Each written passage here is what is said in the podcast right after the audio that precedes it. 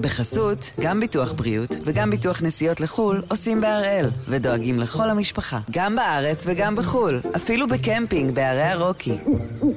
כן, גם שם, כפוף לתנאי הפוליסה וסייגיה ולהנחיות החיתום של החברה. היום יום שלישי, 14 ביוני, ואנחנו אחד ביום, מבית N12.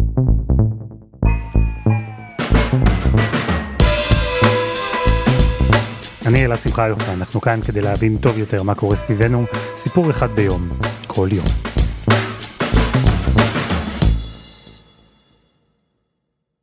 בשבועות האחרונים מתחולל בצה"ל קרב, וזה לא מסוג הקרבות שצבא אמור או בהכרח יודע לנהל, אבל עדיין זה ללא ספק קרב. וזה קרב שמתנהל בכל מיני חזיתות, בזה צה"ל דווקא כן מתמחה. אבל שוב, הקרב הזה הוא קרב אחר. זה קרב מגדרי, מבצעי, דתי, אזרחי, חברתי, ערכי, משפטי, יש כל מיני חזיתות שצבא, כל צבא, לא בהכרח מרגיש בהן נוח. והקרב הזה, בינתיים לפחות, הוא מציב בפני צה"ל אתגרים, החלטות וגם דילמה גדולה אחת שאולי תאלץ אותו לבחור בין שני סוגים של לוחמים. אז הפעם אנחנו עם הקרב על שילוב נשים ביחידות המובחרות של צה"ל.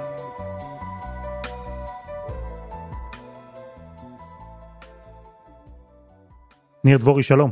שלום אלעד. תראה, לכאורה הוויכוח הזה התעורר עכשיו אחרי עתירה של ארבע צעירות נגד העובדה שצה"ל לא מתיר לנשים להתמיין ליחידות הקרביות המובחרות, סיירת מטכ"ל, דובדבן, שייטת 13 למשל, אבל מה בעצם המצב נכון לעכשיו מבחינת היכולת של נשים כן להתמיין לתפקידים בצה"ל?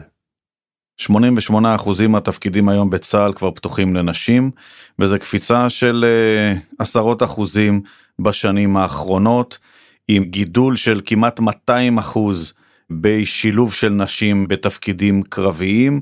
עכשיו, אחד הדברים המדהימים שעשו, זה סיפור הגדודים המעורבים. גדודים מעורבים קרקל ואריות הירדן וכו' וכו' וכו', יש כבר ארבעה גדודים כאלה. משרתים אה, גברים ונשים יחד בהגנת גבולות. בהתחלה כשנשים הגיעו לגדודים האלה, הן היו צריכות לעמוד ברף מבצעי וסרגל מאמצים של גברים.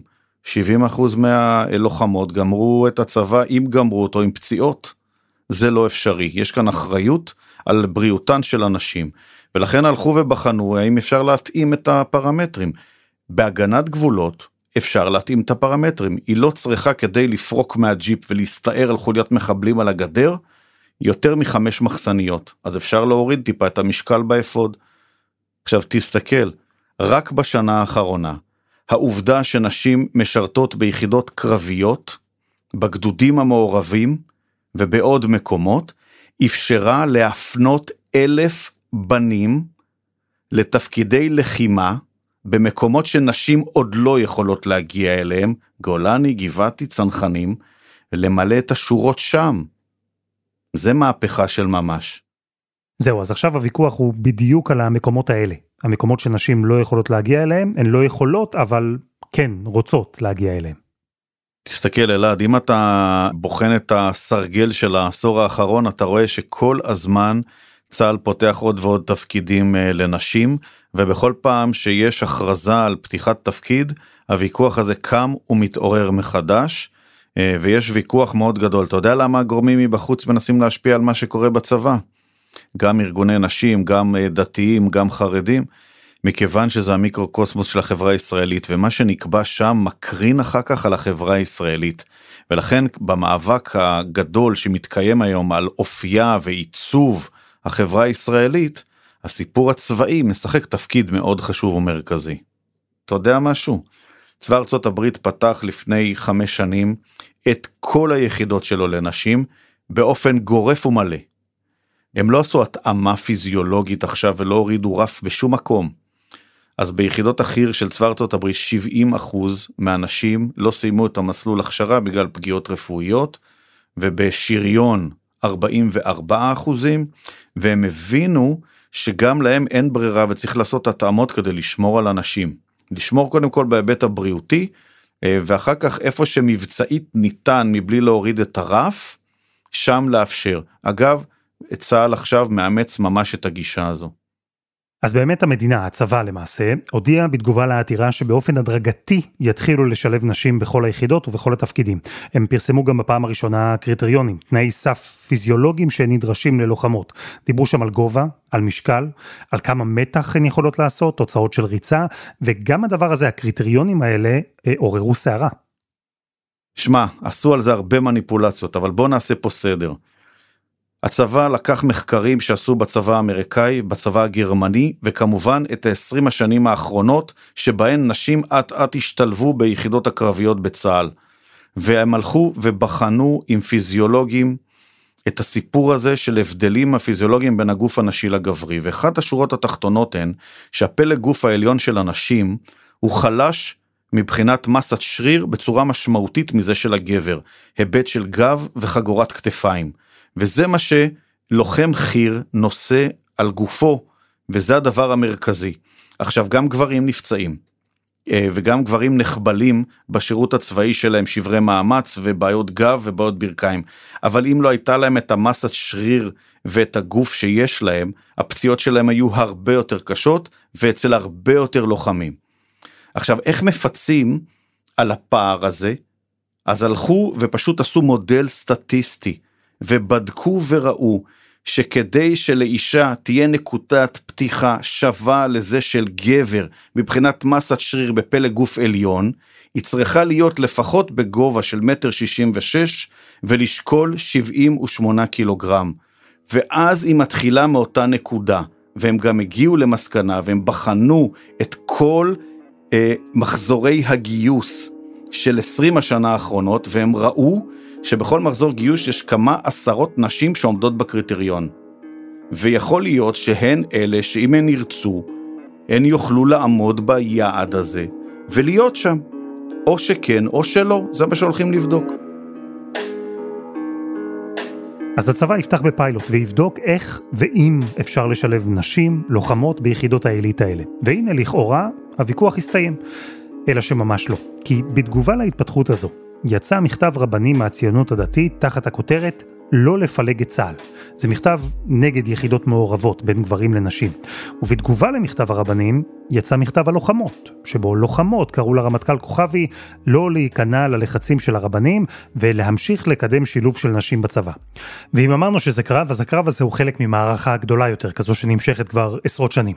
וכדי להבין אותה נעזרנו בדוקטור עידית שפרן גיטלמן מהמכון הישראלי לדמוקרטיה, ראש התוכנית לצבא וחברה. קודם כל צריך להגיד ששירות נשים בצה"ל עוגן כחלק מהחוק עם, עם הקמתו של צה"ל, כלומר העובדה שנשים בכלל ישרתו בצבא, זו התקבלה כהחלטה שלא היה לגביה, אה, זאת אומרת יכול להיות שהיה לגביה דיון, אבל זה לא, שם לא היה החלק השינוי במחלוקת.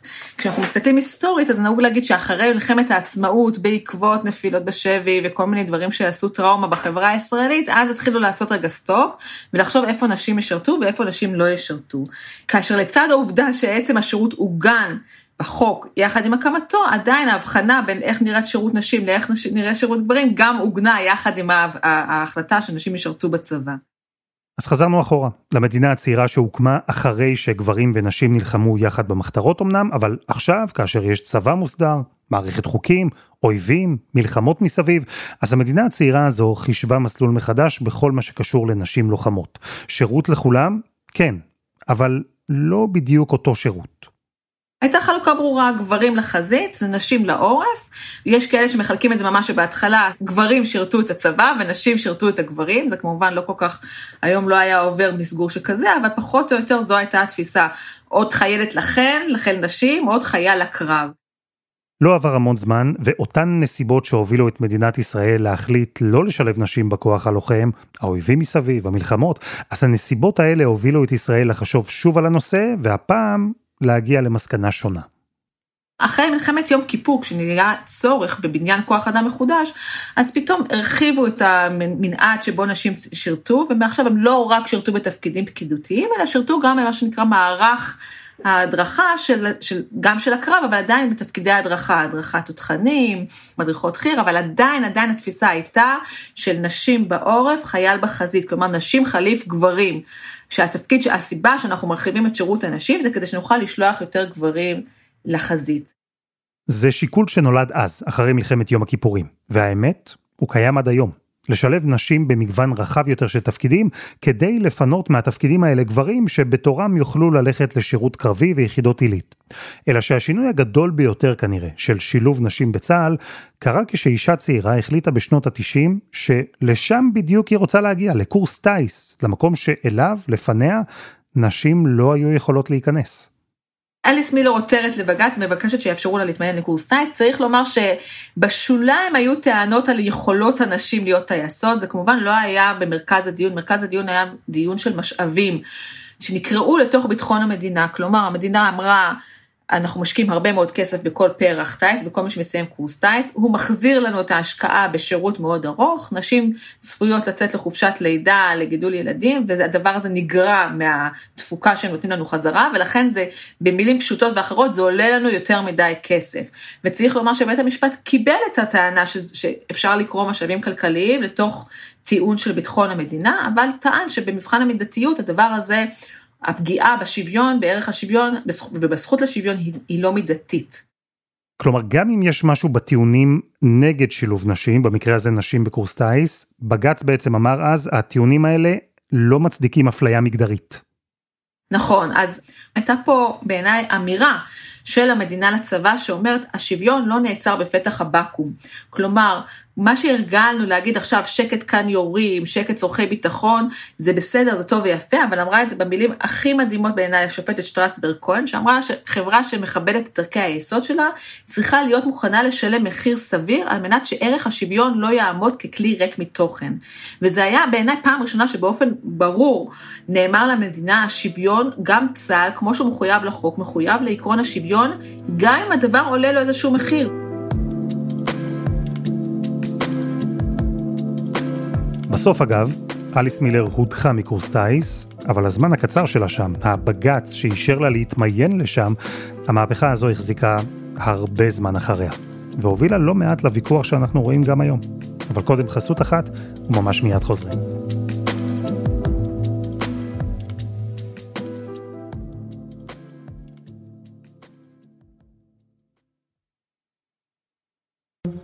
בחסות, גם ביטוח בריאות וגם ביטוח נסיעות לחו"ל עושים בהראל, ודואגים לכל המשפחה, גם בארץ וגם בחו"ל, אפילו בקמפינג בערי הרוקי. כן, גם שם, כפוף לתנאי הפוליסה וסייגיה ולהנחיות החיתום של החברה. אנחנו עם הוויכוח סביב שילוב נשים ביחידות קרביות בצה"ל, יחידות עילית מעורבות. ויכוח שיש לו הרבה גוונים, יש הרבה טיעונים, אבל בימים האחרונים הוא הפך בעיקר לוויכוח שבו מעורבות לוחמות מהצד האחד, רבנים מהצד השני, והצבא נמצא איפשהו באמצע. ועצרנו בבג"ץ התקדימי של אליס מילר, הבג"ץ שפתח את הדרך לאישה אחת להתמיין לקורס טיס, ואחריה לעוד הרבה נשים, להתמיין לעוד הרבה תפקידים בצבא. יותר משהפסיקה בבג"ץ הייתה משמעותית, מה שהיה משמעותי זה שבעקבות הפסיקה, כמה שנים אחר כך, בשנת 2000, תוקן חוק שירות הביטחון. והוסף בו סעיף 16א שאומר דין יוצא צבא אישה כדין יוצא צבא גבר, ושאומר שככלל כל היחידות בצבא אמורות להיות פתוחות, למעט כאלה שהדבר מתחייב מאופיו ומהותו של התפקיד, ובאמת אחרי תיקון חוק שירות הביטחון הלכו ונפתחו בהדרגה עוד ועוד תפקידים, אחרי טיס היה חובלים, והוקמו גדודי הקרקל, ופתאום נשים איישו לראשונה תפקידים שלא היו מאוישים קודם על ידי נשים בכלל. ופה אני חושבת שנעשה צעד כן משמעותי גם בתפיסה של הצבא, ולמרות שהסיפור של פתיחת התפקידים, צריך לדבר עליו, הרעיון של שילוב וקידום נשים הוא כן חלחל. אחרי התיקון לחוק, ובשנים האלה, התפיסה בעצם התהפכה. אם עד אז ברירת המחדל הייתה שהיחידות בצה"ל סגורות לנשים למעט מה שפתוח, אז ברגע הזה המצב השתנה, וברירת המחדל הייתה הכל פתוח למעט מה שסגור. כן, אני מודע לזה שמה שאמרתי עכשיו הוא קצת מורכב, אבל זה משמעותי.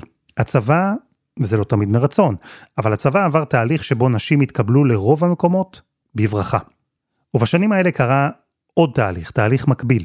עוד מגזר שנכנס בשיעורים גדולים ובנוכחות דומיננטית אל תוך השירות הצבאי. בערך באותם שנים, גם התפקיד והמקום שבני הציונות הדתית מילאו, הלך וגדל.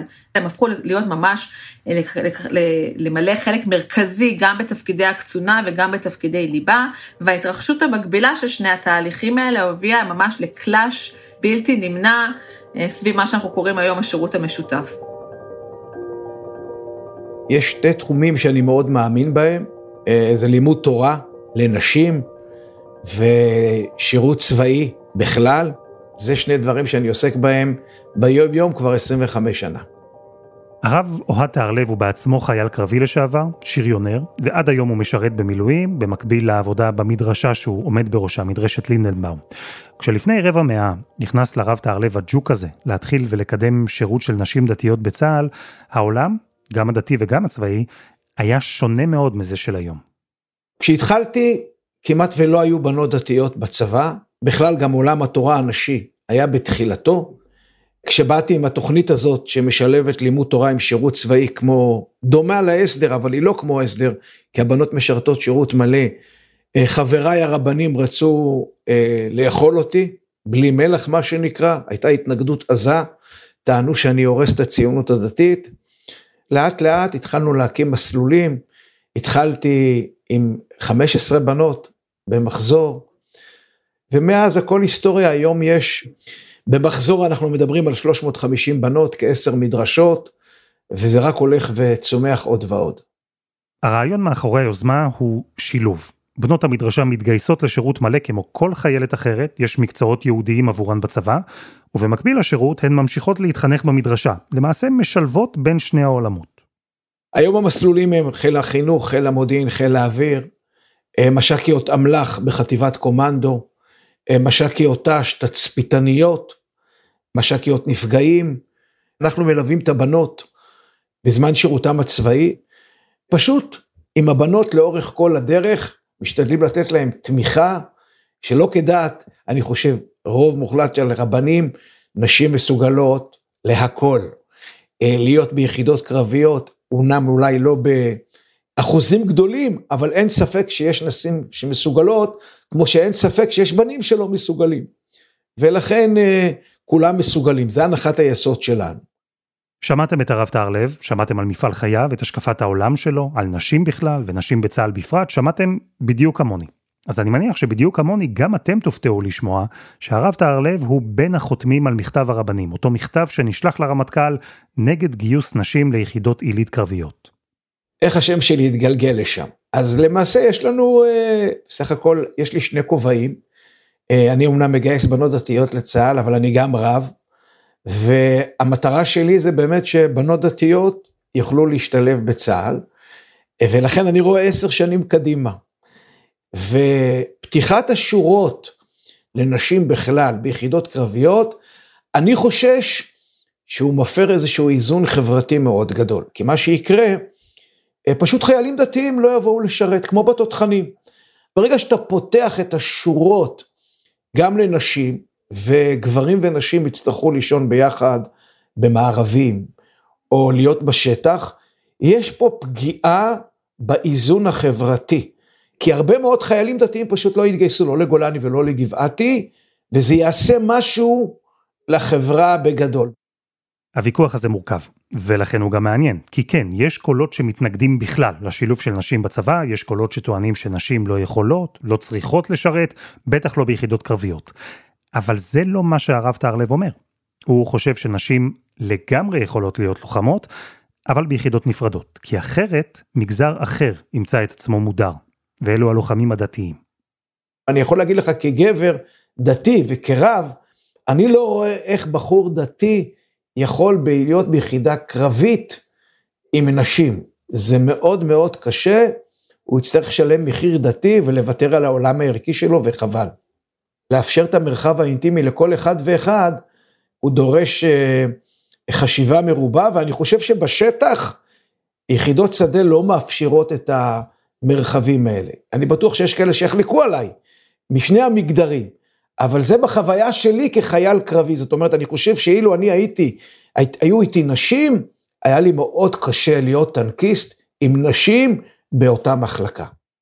הרב טהרלב מכיר את הצבא היטב מהרבה בחינות. הוא לוחם בעצמו, מחנך דורות של חיילות, ובעצמו אב שכול לחייל שנהרג לפני חמש שנים.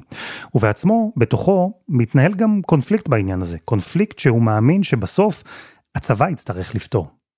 אתה יודע, כשיש לנו קונפליקט בין ערכים, אנחנו תמיד צריכים למצוא את האיזונים הנכונים. איך לתת ביטוי לכל הערכים שבו אנחנו מאמינים. ופה באמת אני חושב שאנשי הצבא, מנהיגי הצבא, הרמטכ"ל, המטכ"ל, אנשי המקצוע, צריכים להחליט האם הם מעדיפים שתהיה אישה, שאולי יש לה יכולות יוצאות מן הכלל, או חמש נשים, ומצד שני יהיו מאות חיילים דתיים שלא יבואו. דרך אגב, לא כל הדתיים יהיו דתיים שילכו, אבל הרבה מאוד חיילים דתיים ידירו את רגליהם מגבעתי ומגולני, אז מה ייווצר? שחיל שריון יהפך לחיל דתיים, וגולני יהיה לחילונים, ואני חושב שהחברה תפסיד. זה ויכוח, אז כמובן שיש צד שני. הצד של הלוחמות, אלו שרוצות להיות לוחמות, או אלו שרוצות שלנשים תהיה את האפשרות להיות לוחמות. כמו דוקטור עידית שפרן גיטלמן. קודם כל אני רוצה לשים סימן שאלה גדול מאוד על כמה גברים אה, חיילים דתיים יעזבו אה, עם הגעתן של נשים ליחידות שלהם. אה, יש מספיק דתיים שהגעה של נשים לא יגרום להם לעזוב את היחידות וגם לא יגרום להם לבקש מלכתחילה להשתבץ ביחידות שאינן מגדריות. אני הגשתי לפני, אמנם לפני כמה שנים אבל לא הרבה שנים, בקשת חופש מידע כמה גברים דתיים ביקשו להשתבץ ביחידות מגדריות, התשובה שקיבלתי הייתה אפס. אז גם אם השתנו מאז דברים זה נותן לך איזו פרספקטיבה אה, לקנה המידה של התופעה. גם צריך להגיד החיילים הדתיים מחונכים על האצוס של שירות קרבי. וזה לא כל כך מהר הם יוותרו על המקום הזה, וגם בסוף בשטח מוצאים את הפתרונות ויגיד לך את זה כל מפקד. השאלה היא, ושוב, אני יוצא מנקודת הנחה שאנחנו שמים בצד את הקולות שאומרים שנשים לא יכולות ולא צריכות להיות לוחמות, נקודה. את זה אנחנו נשים בצד. אבל השאלה היא אם אי אפשר להפריד, כדי שגם החיילים הדתיים לא ירגישו מודרים. קחי לדוגמה את הספורט, זו דוגמה שעולה הרבה בדיון הזה. כמו שיש ספורט נשים וספורט גברים, ככה יהיה גם בצבא.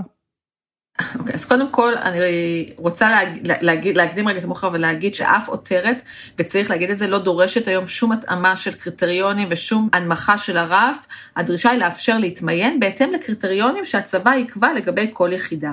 לגבי הסיפור של הטענה של למה מה שעובד בספורט לא צריך לעבוד בצבא, צריך להבין, הצבא היום מדבר על האישה הממוצעת, על ממוצע האנשים. גם הגבר הממוצע לא יכול להתקבל לסיירת מטכ"ל ולא יכול לשרת בסיירת גולני. וזה לא גורם לצבא להגיד, אז אנחנו לא נסגור כנראה את סיירת גולני. המקום של הממוצעים הוא רלוונטי למקום שרלוונטי לדבר בו בממוצעים. בספורט, אתה מדבר על, האחוזון, על האחוזון העליון. עכשיו, באחוזון העליון של נשים מול האחוזון העליון של גברים, יש, יש הבדלים כשאתה לוקח את הליבה מול הליבה, כשאתה לוקח את הממוצע מול הממוצע.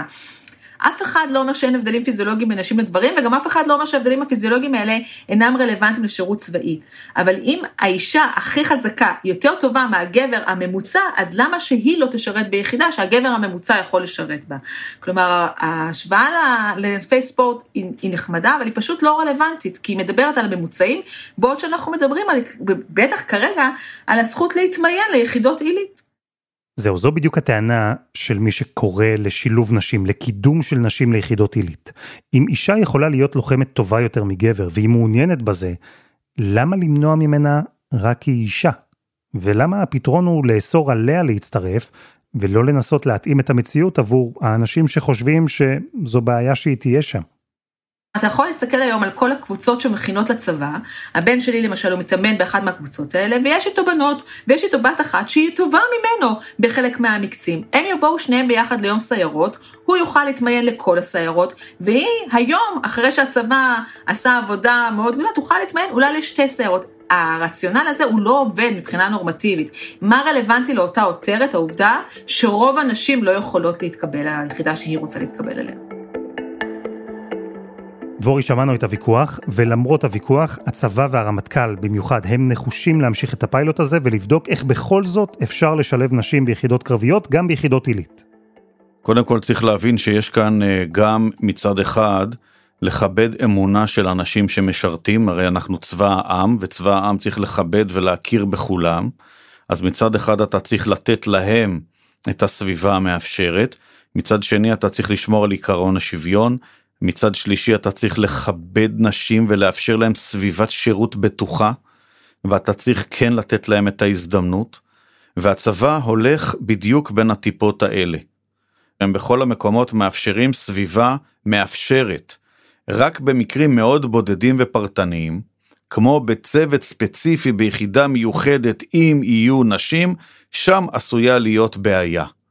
בכל שאר היחידות מייצרים את המרחבים שמאפשרים את הדבר הזה, כמו הגדוד החרדי וכמו אה, יחידות מגדריות, כמו הפיילוט של השריונריות, שהן עובדות כטנק מגדרי, לא יהיו בתוך הטנק גם נשים וגם גברים, ואז אה, זה יאפשר את הסביבה הבטוחה אה, לשני הצדדים בהיבט הזה. וייתן לצבא לעמוד בדרישות שלו וברף שהוא מציב לעצמו. כלומר בצה"ל אופטימיים, הם בטוחים שאפשר uh, לפתור את המשבר הזה, לייצר את התנאים והאווירה שאיכשהו תתאים לכולם. נכון, אני אגלה לך סוד. אפשר כל דבר לפתור בדיבור, השאלה אם רוצים. הרי בפלמ"ח כבר לחמו פה לוחמות ביחד כתף אל כתף. אתה יודע שפרסמו את זה כבר, בח'אן יונס, כשהכוח המיוחד של צה"ל פעל בתוך העיר והפרשה הסתבכה, וסגן אלוף אה, מ', היום אה, מוחמד, חיר א-דין, נהרג, היו איתם גם לוחמות. הכל אפשר אם רוצים. פשוט צריך לרצות ולהבין שכולנו כאן חיים ביחד, וצריך למצוא גם את המכנה המשותף ולא רק את המפריד.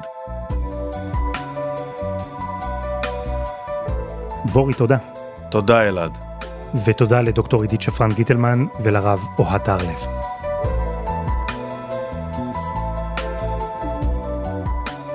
וזה היה אחד ביום של N12, אנחנו גם בפייסבוק, חפשו אחד ביום הפודקאסט היומי.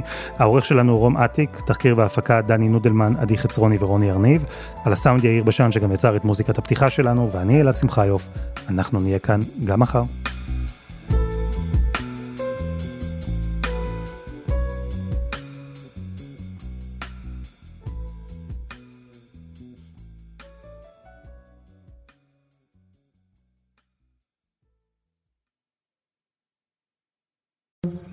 בחסות, גם ביטוח בריאות וגם ביטוח נסיעות לחו"ל עושים בהראל, ודואגים לכל המשפחה, גם בארץ וגם בחו"ל, אפילו בקמפינג בערי הרוקי. כן, גם שם, כפוף לתנאי הפוליסה וסייגיה ולהנחיות החיתום של החברה.